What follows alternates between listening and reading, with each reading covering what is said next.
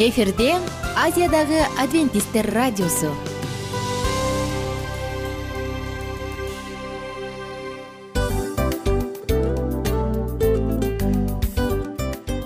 Достор салют. Баардык сүйүктүү угармандарыбызга салам айтабыз. Кутман күнүңүздөр менен. Ден соолук өмүрдүн булагы демекчи саламат саамы программасында баарыңыздарды көргөнүбүзгө абдан кубанычтабыз. Анда алгач амандашып өтөлү арбаңыздар деп. Ден соолугуңуздар кандай элибизде көбүнчө ден соолук кандай дегенде эле жакшы деп жооп беребиз э? ооруп турсак дагы жакшы дейбиз. Анан мен муну айтып ойлойт элем бул абдан сонун сөз депчи анткени бул жакшы деген үмүт да э ооба баары жакшы болот. Баары сонун. Деп үмүттөнүп атып эле өзүбүздү өзүбүз дарылап коебуз. Анысы кандай? Сиздин дагы ден соолугуңуз жакшы беш деген үмүттөбүз чындыгында ден соолук бул өмүрдүн булагы деп бекеринен айтылган эмес деп ойлойм. Кыргыз элинде анткени эгерде ден соолук жок болсо анда адамдын жашоосунда калган баардык керектүү маңыздуу нерселер өзүнүн баалуулугун жоготуп коет. Ошондуктан ден соолук бул эң керектүү нерсе. Ооба туура айтасың кесиптешим чынында ден соолугуң жок бир эки үч күн ооруп калсаң эле кандай болуп калат? Жашоодо көз каранды болуп каласың көп нерсеге жетишпей каласың көп нерсени кыла албай каласың жада калса эчке дүкөнгө да чыга албай каласың. Туптуура анан ден соолук болсо демек биз биздин бактыбыз тоодой деп койсок болот. Анда достор саламат саамы рубрикабызды баштайлы. Алдыда өзүңүзгө керектүү болгон сонун кеңештерди уга аласыздар. Мына ошондуктан биз менен бирге болуңуздар. Ал эми биз болсо милан жана айнура. Кеттик алга. Алга саламат саама ден соолуктун жарчысы. Саламат саама ден соолуктун ачкычы. Күн сайын сиз үчүн мыкты кеңештер сонун жаңылыктар кызыктуу фактылар биздин рубрикада.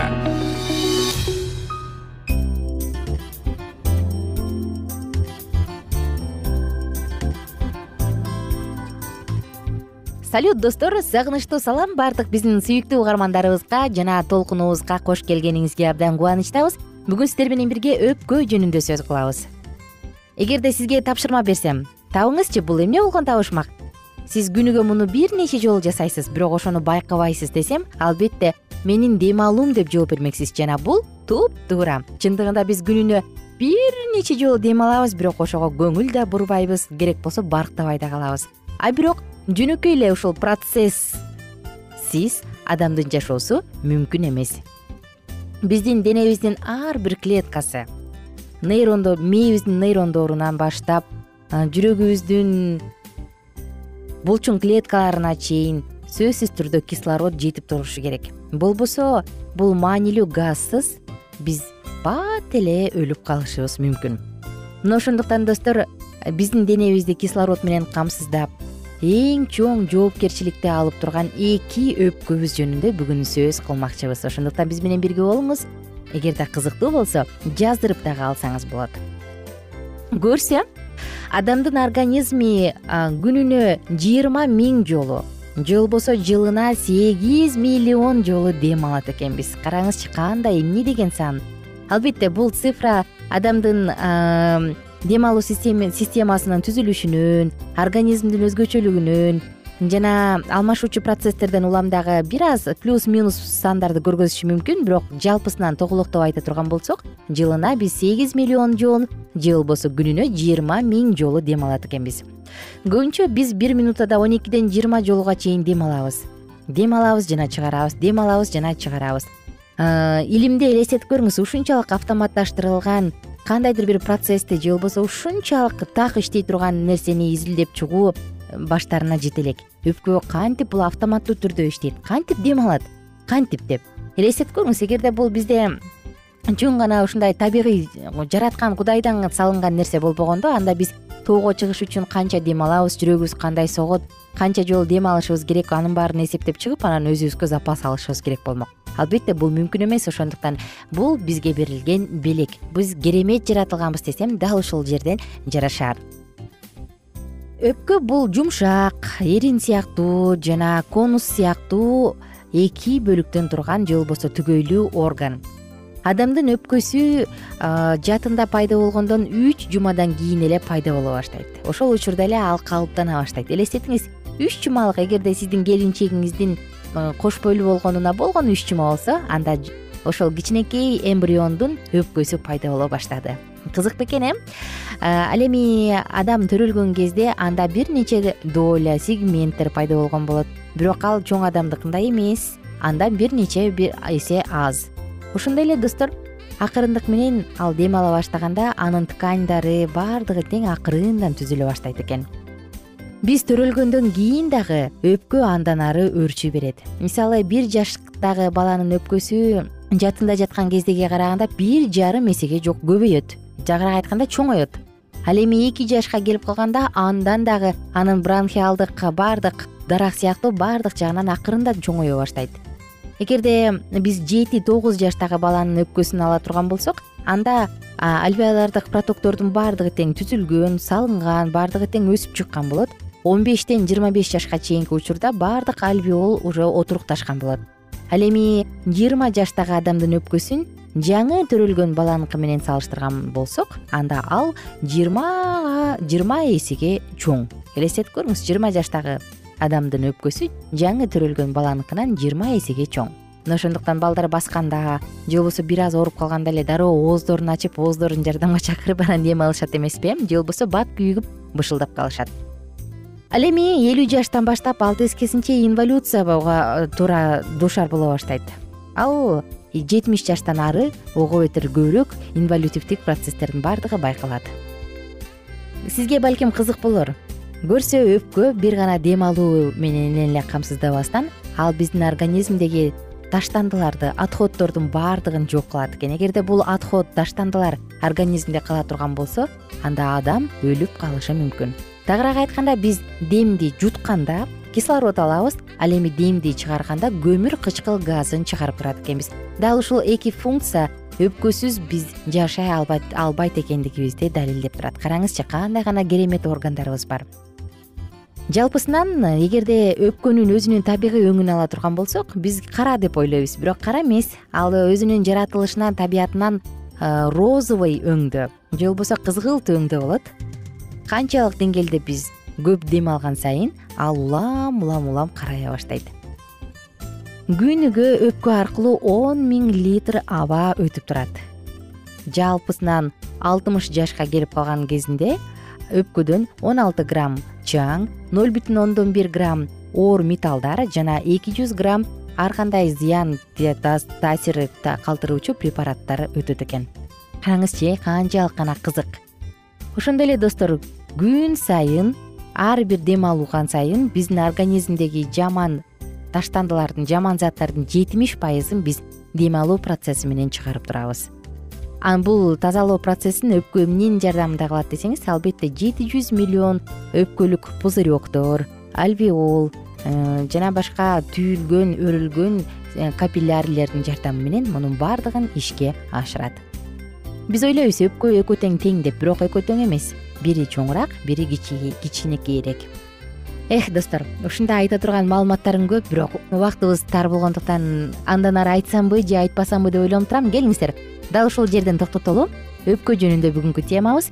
Кийинки уктурууда мен сиздерге дагы кенен кызыктуураак сонун маалыматтардын баардыгын айтып берем. Ошондуктан биздин жыштыктан алыстабаңыздар дем алдыңызбы? Дем чыгарып жатасызбы? Мунун ар бири белек жана ар бири ойлонуштуруп баардыгын алдын ала көрө билип жаратып койгон акылман жараткандан берилген сонун белек ошондуктан достор дем алыңыз колуңуздан келишинче таза аба менен дем алганга аракет кылыңыз.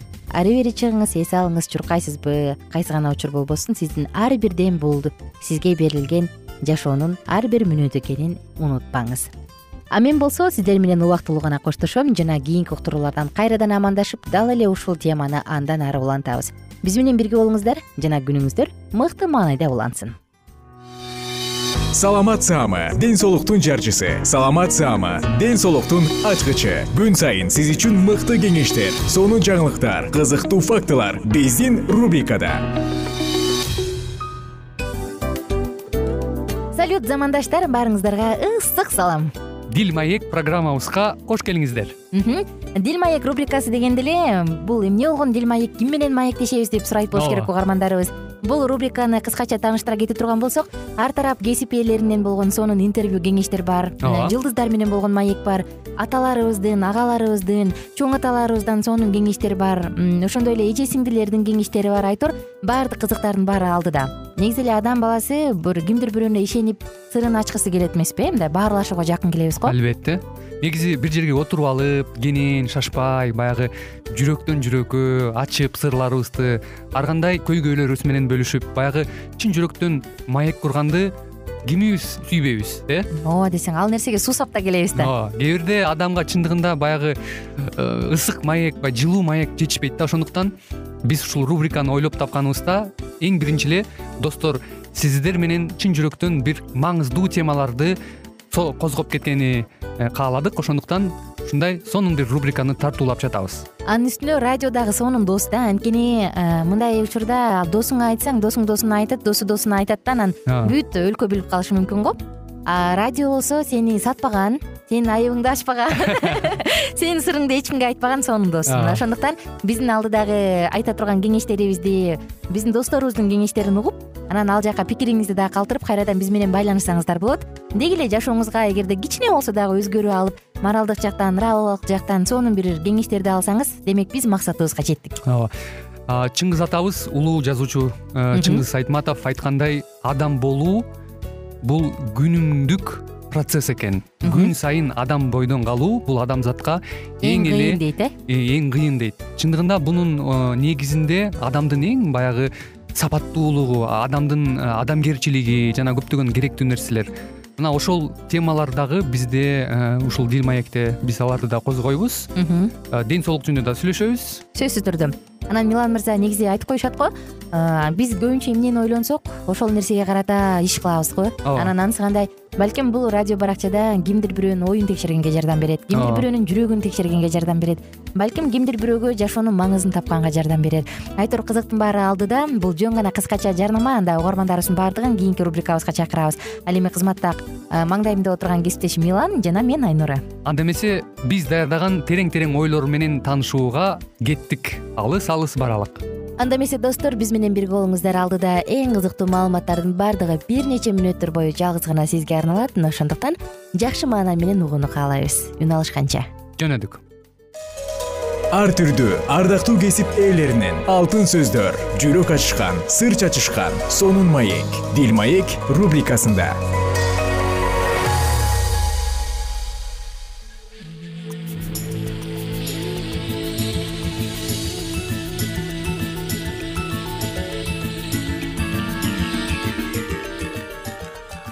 кутмандуу күнүңүздөр менен кымбаттуу радио угармандарыбыз кайрадан эле сиздердин назарыңыздарда. Бактылуу никенин баалуу эрежелери аттуу программабызды баштамакчыбыз. Бүгүнкү программабыздын чыгарылышында биз кайрадан эле сиздер менен үй бүлөлүк жаатта бала тарбиялоо жаатындагы теманы кайрадан эле улантмакчыбыз. Андыктан биздин ободон алыстабай дал ушул мүнөттөрдө биз менен биргеликте болуңуздар. Урматтуу ата энелер бала тарбиялоодо бул сөздөрдү айта жүрүңүз жаш балдарды тарбиялоого киришкен ата энелердин мойнуна чоң эмгек жана жоопкерчилик жүктөлөт эмеспи. Ошол себептен жакшы сөз жан эргитет дешет чыгар. Айрыкча баланы тарбиялоодогу ар бир сөз ага дем күч берерин ошол эле учурда үмүт тилектерине балта чабаарын билбей калышыңыз мүмкүн. Төмөндө балдарыңызга айтып туруучу жети нерсе тууралуу уга аласыздар. Бала үч жаштабы отуз жаштабы. Бул сөздөрдү бат баттан эң жакын адамдарынан угуп турусу керек. Биринчи эле мен сени жакшы көрөм деген сөздөрдү көбүрөөк айтыңыз. Адамды жашоодо кыймылдап келечекке максат коюуга алга карай өнүгүүсүнө жакындарынын сүйүүсү жардам берет. Эгерде ал кичинесинен эч кимге керек эмесин сезип жан дүйнөсү жалгыздыкка сүңгүп кете турган болсо ал бала чечкинсиз жана ырайымсыз болуп чоңоюусу мүмкүн ошондуктан ардактуу ата энелер биз э, үй бүлөдө бала тарбиялоо жаатында сөзсүз түрдө балдарыбызга карата болгон мээримибизди болушунча төккөнгө аракет кылганыбыз абдан жакшы экен. Андыктан канчалык биз э, бири бирибизге карата ушул сүйөм деген сөздү айта турган болсок демек сиз келечектеги жакшы инсанды тарбиялап жатасыз деген ойду айткыбыз келет. Экинчи сөз болсо мен сени менен сыймыктанам чүрпөңүздүн кичинекей ийгилигине да сыймыктанууңузду билдирип турсаңыз.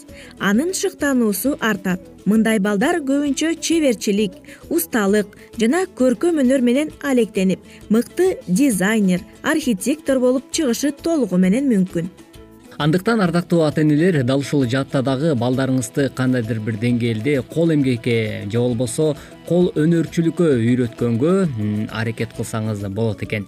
Мисалы көбүнчө аталар эркек уулдары менен кандайдыр бир чарбалык иштерди алып барууда чыгармачылык менен уюштура турган болсоңуз анда сөзсүз түрдө келечекте сиз ошол инсанды коомго өзүнүн бир салымын кошо турган инсанды тарбиялап жатканыңыздан кабар берет экен ал эми апалар болсо үйдөн кыздарын сөзсүз түрдө үй тиричилик иштеринде албетте э, айымдарга тиешелүү нерселерди үйрөтө турган болсо ал келечектеги үй бүлөсүнүн мээримдүү апасы болуп бере алат экен. Демек ушул нерселерди эске алуу менен биргеликте сиз дагы алдыны көздөй кадам таштай бериңиз мени кечирип койчу деген сөздү дагы байма бай айтып турсаңыз эң жакшы болот. Ооба дайыма эле балаңызды гана айта бербей өз кемчилигиңизди да мойнуңузга ала билсеңиз. Балаңыз калп сүйлөөдөн жашыруун аракеттерден алыс болот. Сиздин ар бир аракетиңиз балаңызга чагылыша тургандыгын унутпаңыз мына ошентип урматтуу ата энелер сөзсүз түрдө бала тарбиялоо жаатында дагы э, өзүңүздүн балаңызга сөзсүз түрдө кечирип койчу деп сиз дагы э, чоң болсоңуз дагы балаңыздан кечирим сурап турганыңыз абдан маанилүү болуп саналат экен албетте кээ бир учурда ойлошубуз мүмкүн мен ата эне болуп алып баламан кантип кечирим сурамак элем деп. Бирок тескерисинче сиз ошол өзүңүздүн чүрпөңүздүн кандайдыр бир ачуулук сезимдер менен э, эмоция калтырып көңүлүн оорутуп алган учурда көбүрөөк кечирим сурап андан кандайдыр бир деңгээлде көңүлүн табууда дайыма бул нерсени марттык менен кыла турган болсоңуз анда сиз туура нукка буруп жаткандан кабар берет экен. Ошондой эле мен сени кечирдим деген сөздү дагы айтып туруңуз ошондой эле балаңыздын катачылыктарын кечире билиңиз. Бир нерсе туура эмес жасап койгондо урушуп жемелип унчукпай кала турган болсоңуз. Бала жоопкерчиликсиздикке үйрөнөт. Ал эми катуу уруша берсеңиз жек көрүү менен ата энеге күйүмсүз болуп калат.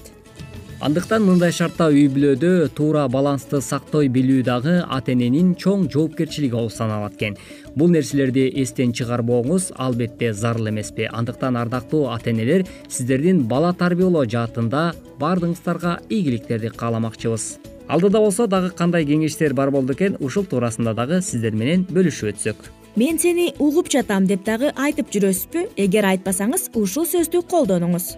Сен кичинесиң? Эмнени билмек элең деген сөз эң катуу сокку экенин көпчүлүк ата энелер сезишпейт анын айтып жаткан ар бир пикирин оң терсин угуп түшүндүрүп берүүсү керек. Ак караны жакшы жаманды айрый билүүнү балага ата эне түшүндүрбөсө ал жашоодо көп урунушу мүмкүн. Ошондой эле бул балдарда адамдарга ишеним жоголот. Мына ошентип отуруп биз э, келечекте кандай муунду тарбиялап жатабыз? Сөзсүз түрдө ар бир ата эне өзүнүн э, баласына кандай тарбия берип жаткандыгы туурасында көңүл буруусу абдан зарыл экен жогоруда айтылган туура эмес сын пикирлер биздин балдарыбыздын жан дүйнөсүн өлтүрүп жаткандыгын кээ бир учурда чындап эле моюнга алсак болот экен урматтуу ата энелер себеп дегенде биз көп учурда чоң адам болгондуктан маани деле бербей калган учурларыбыз болот эмеспи. Андыктан балдардын жан дүйнөсү назик болгондуктан жана алар ар бир сөздү тез кабыл алгандыктан демек алар чоңойгондо дагы унутпайт биз бүгүнкү күндө балдарыбызга кандай сүйлөп жатабыз? Жана ошол эле учурда биз аларга кандай мамиле кылып жатабыз? Бул нерселерге дагы көңүл бурганыңыз абдан жакшы экен. Сен буга жоопкерчиликтүүсүң деген сөздөрдү дагы унутпаңыз. Баланы чечкиндүүлүккө жоопкерчиликке кичинесинен көндүрүү үчүн ага кайсы бир нерсени ишеним арттырып тапшыруу керек. Жана дагы дайыма жанында колдоо көрсөтүп туруу зарыл эң акырында сен муну жасай аласың деген нерсени көбүрөөк айтышыңыз зарыл ал эми сенин колуңан келбейт деген фразаны эң орой жана туура эмес тарбия. Ишеним адамды башкарат деген сөздү уксаңыз керек. Ооба балдарыңызга да ишенимиңиз күч болсо ал дагы келечекте сиздин үмүт тилектериңизди ишке ашырат. Акырында айта кетчү нерсе балаңызды тарбиялай баштагандан алдын өзүңүздү биринчи тарбиялаңыз. Анткени балаңыз баары бир өзүңүзгө окшош болот. Ошондуктан кыргыз элинде алма сабагынан ашпайт деген дагы сөз бекеринен айтылбаса керек. Ардактуу радио көрөрмандар бүгүнкү уктуруубузга назар салганыңыздар үчүн ыраазычылык билгизүү менен биргеликте биз кайрадан эле сиздер менен бактылуу никенин баалуу эрежелери аттуу программасынан кезиккенче ар бириңиздердин үй бүлөңүздөргө тынчтык жашоо кааламакчыбыз кайрадан бул ободон үн алышканча сак саламатта болуңуздар. Ар түрдүү ардактуу кесип ээлеринен алтын сөздөр жүрөк ачышкан сыр чачышкан сонун маек дил маек рубрикасында. Жан дүйнөңдү байыткан жүрөгүңдү азыктанткан жашооңо маңыз тартуулаган жан азык рубрикасы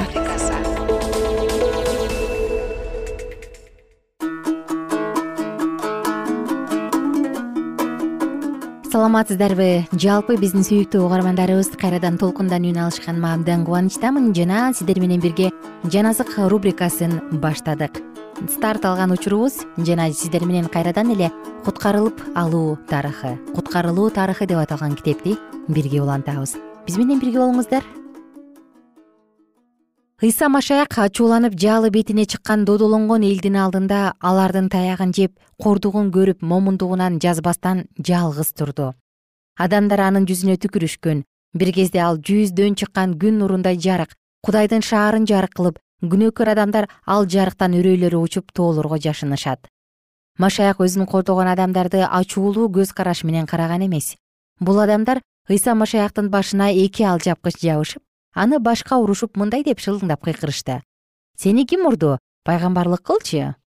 Лука жыйырма эки алтымыш төрт шакирттердин кээ бирлери өз кайраттарына келишип ыйса машаяк болгон жерге киришип анын сотуна катышты. Алар мына азыр ыйса машаяк өз кудурет күчүн көргөзүп ага катаал мамиле кылышкан адамдардын жазасын берет деп ойлошту болуп жаткан окуяны көрүшүп алардын үмүтү кээде жанданып кээде өчүп турду.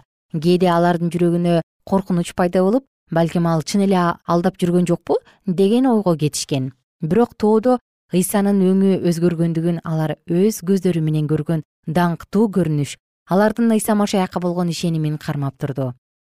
Алар өздөрү күбө болушкан ыйса машаяк жасаган көп керемет окуяларды сокурлардын көргөнүн дүлөйлөрдүн укканын жиндердин чыгып кеткендерин өлгөн адамдардын тирилгенин жада калса деңиз толкуну токтоп шамал басылганын эстешти чындыгында шакирттер ыйса машаяктын өлөрүнө ишене алышкан жок. Ал өз кызматын аткарып жүргөндө кудайдын үйүн булгап аны базарга айлантып жиберген адамдарды ыйса машаяк ал жерден кууп чыкканда алар артынан жоо кууп келе жаткандай качышпады беле азыр дагы ал бул аны мыскылдаган элдерди дагы бул жерден кууп чыгарат болушу керек деген үмүт шакирттерден кеткен жок сот аяктаганга чейин шакирттер өз өзүнүн күчүн көргөзүп ысрайыл элинин падышасы экендигин далилдейт деп турушту. Жүйүттүн моюнга алуусу. Ыйса машаякты саткандан кийин жүйүт өзүнүн туура эмес кылган иши үчүн уялып абийири айыптап чыдай албай койду. Ал эми куткаруучуну ушунча мыскылдаганын көргөндө ал эч нерсе кылууга дарман таппай алдан таят жүйүт ыйса машаякты сүйгөн бирок акчага болгон сүйүүсү андан артык эле ал ыйса машаяк адамдардын колуна түшөт деп ойлогон эмес. Ал азыр керемет болот. Машаяк өзү бул адамдардан бошонуп кетет деген. Снедриондо анын канын ичкиси келип жинденген элди көргөндө жүйүт өз күнөөсүнүн өтө чоң экендигин сезди. Башкалар жазыксыз ыйсаны айыптап жатышканда ал айыпсыз канды силерге тапшырып берип мен чоң күнөө кетирдим деп додолошкон адамдардын алдына чыккан. Ал дин кызматчылардын алдына ыйсанын куну үчүн алган акчасын ыргытып ыйса машаякты бошоткула ал айыпсыз деп жалдырады. Дин кызматчылар таң калуу менен бир далайга үндөбөй калышты. Анткени алар ыйса машаяктын шакирттеринин бирин сатып алышкандыгын элдердин угуп калуусун каалашкан эмес. Алар ыйса машаяктын артынан ууруну аңдыгандай аңдышып аны жашыруун кармап алышкандарын элдер билбесин дешкен. Бирок жүйүттүн эл алдында ачык айтканы алардын кытмыр иштерин эл алдында ашкерелеп турду. Ыйса машаякты бир гана көрө албастыктан камакка алгандыгы ачык болду. Жүйүт ыйса машаяктын эч кандай айыбы жок дегенде дин кызматчылар мындай деп жооп беришет. Биздин ишибиз эмне? Өзүң байка матай жыйырма жети төрт. Ыйса машаяк алардын колуна түшүрүлгөн. Алар эми анын эсебин табыш үчүн болгон аракеттерин жасашат. Жүрөгүндө жалындап туталанган жүйүт өзү жек көрүп турган акчасын алардын алдына ыргытып жиберди дагы. Жүрөгү айыптаган бойдон барып асылып өлүп калды. Ыйса куткаруучуну курчап турган адамдардын арасында ага жакшылык каалаган адамдар дагы болгон. Ыйса машаяктын алардын көп сандаган суроолоруна жооп бербегендиги аларды таң калтырып турду. Ага карата канча көп мыскылдуу кемсинтүүлөр болуп жатса дагы анын жүзүнөн тынчсызданып кабагын чытуу көрүнгөн эмес. Ал өзүн токтоо жана татыктуу кармап турду анын токтоо салаваттуу жана өз ишинде ишенимдүүлүгүн аны соттоп жаткан адамдардын мүнөздөрү менен салыштырып көп адамдар бири бирине ал башка башкаруучуларга караганда падышаларга көп окшошуп кетет дешкен. Андан кылмыш кылган адамдын бир дагы сапаты көрүнгөн жок. Машаяктын жаазы маңдайы жана жылуу көз карашы коркунучтан алыс эле. Анын жүзүндөгү ар бир так анын адамдарга болгон боорукердигин жана жакшылык каалагандыгын билдирип турду. Андагы болгон токтоолук жана ырайымдуулук адамдарда жашабагандыктан көпчүлүк адамдар мындай сапаттарды көрүшүп ачуулана башташкан. Жада калса ира жана пилат дагы анын кудайдыкындай улуу сапаттарын көрүшүп таңданышты. Ыйса машаяк пилаттын алдында. Пилат башында эле ыйса машаяктын тегин адам эмес экендигин билген. Ал ыйса машаякты жөнү жок айыптап жатышса да бул адам эч кандай айыпсыз экендигине ишенген. Периштелер бул окуяга күбө болушуп байкоо салып турушту. Жана бул римдик башкаруучунун ишенимине баа беришип периштелердин бири пилаттын аялына түшүндө аян берет. Жана ага мындай деп айтат. Сенин эриң күнөөсүз кудайдын машаягын соттоого дайындалган. Анын күнөөсүз экендигин ага айт жана ал шашылыш өз эрине кат жөнөтөт. Жана катта мындай деп жазылган. Мен ыйса машаяк үчүн түшүмдө көп кыйналдым сен бул адилеттүү адамга эч жамандык кылба. Катты алып келген жуучу додолонгон элдин арасынан шашылыш өтүп катты пилаттын колуна тапшырат. Катты окугандан кийин римдик башкаруучу колу калтырап бозоро түштү. Жана ыйса машаяктын өлүмүнө кошулгусу келген жок. Эгерде жүйүттөр анын канын төккүлөрү келип турса дагы мен буга жол бербейм деп ойлонду. Кымбаттуу досум сиздер менен бүгүн куткарып алуу тарыхы. Куткарылуу тарыхы деп аталган китептен дагы бир үзүндү окудук. Ыйса машаяк башынан өткөргөн бул ар бир учур анын басып өткөн ар бир жолу бул сиздин жана менин куткарылуум үчүн болгон. Мына ошондуктан жаратканыбыз сизге дагы батасын мол төгө берсин. Жүрөгүңүздө жаратуучунун улуу тынчтыгы болсун. А мен болсо сиздер менен убактылуу гана коштошом жана жалпыңыздарды кийинки уктуруубуздан кайрадан тосуп алам. Достор кийинки уктурууда дал ушул окуяны андан ары улантабыз биз менен бирге болуңуздар. Күнүңүздөр мыкты маанайда улана берсин.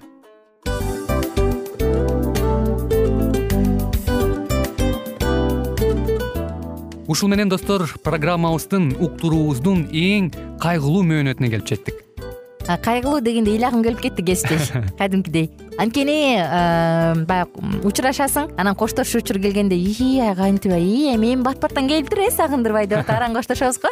Анысы кандай угармандарыбыз менен коштошчу учур келди. Кийинки уктурууларды сагыныч менен жүрөгүбүздө кусалык менен күтөбүз жалпыңыздарды анан жарым сааттык уктуруу көз ачып жумканча өтүп кетти. Сөзсүз. Бирок бизде жакшы кабар бар. Кийинки уктурууларыбызда сөзсүз дагы кезигишебиз. Анткени биз көптөгөн сюрприздерди кызыктуу маалыматтарды жана керектүү керектүү нерселердин көпүнчөсүн даярдадык. Андай угармандарыбыздын баардыгына ийгиликтүү күн каалайбыз эгерде бүгүнкү күнүңүз өзгөчө э, өтүшүн кааласаңыз анда позитивдүү ой жүгүртүп жылмайып жакындарыңызга жакшы маанай тартуулап жүрө бериңиз. Анткени сөзсүз түрдө мунун арты кайтат э? Сөзсүз. Баягы ден соолугуң оңолот ал бул деп көп нерсени санап келебиз. Эң негизгиси бул сиздин жашооңузду жаркын кыла түшөт экен. Жараткан кудай ар бирөөңүздөргө батасын берсин жашооңуз ийгиликтүү болсун сак саламатта калыңыздар деп мен милан жана кесиптешим айнура. Баардыгыңыздар менен кийинки уктурууда үн алышканча. Баарыңыздарга ийгилик каалайбыз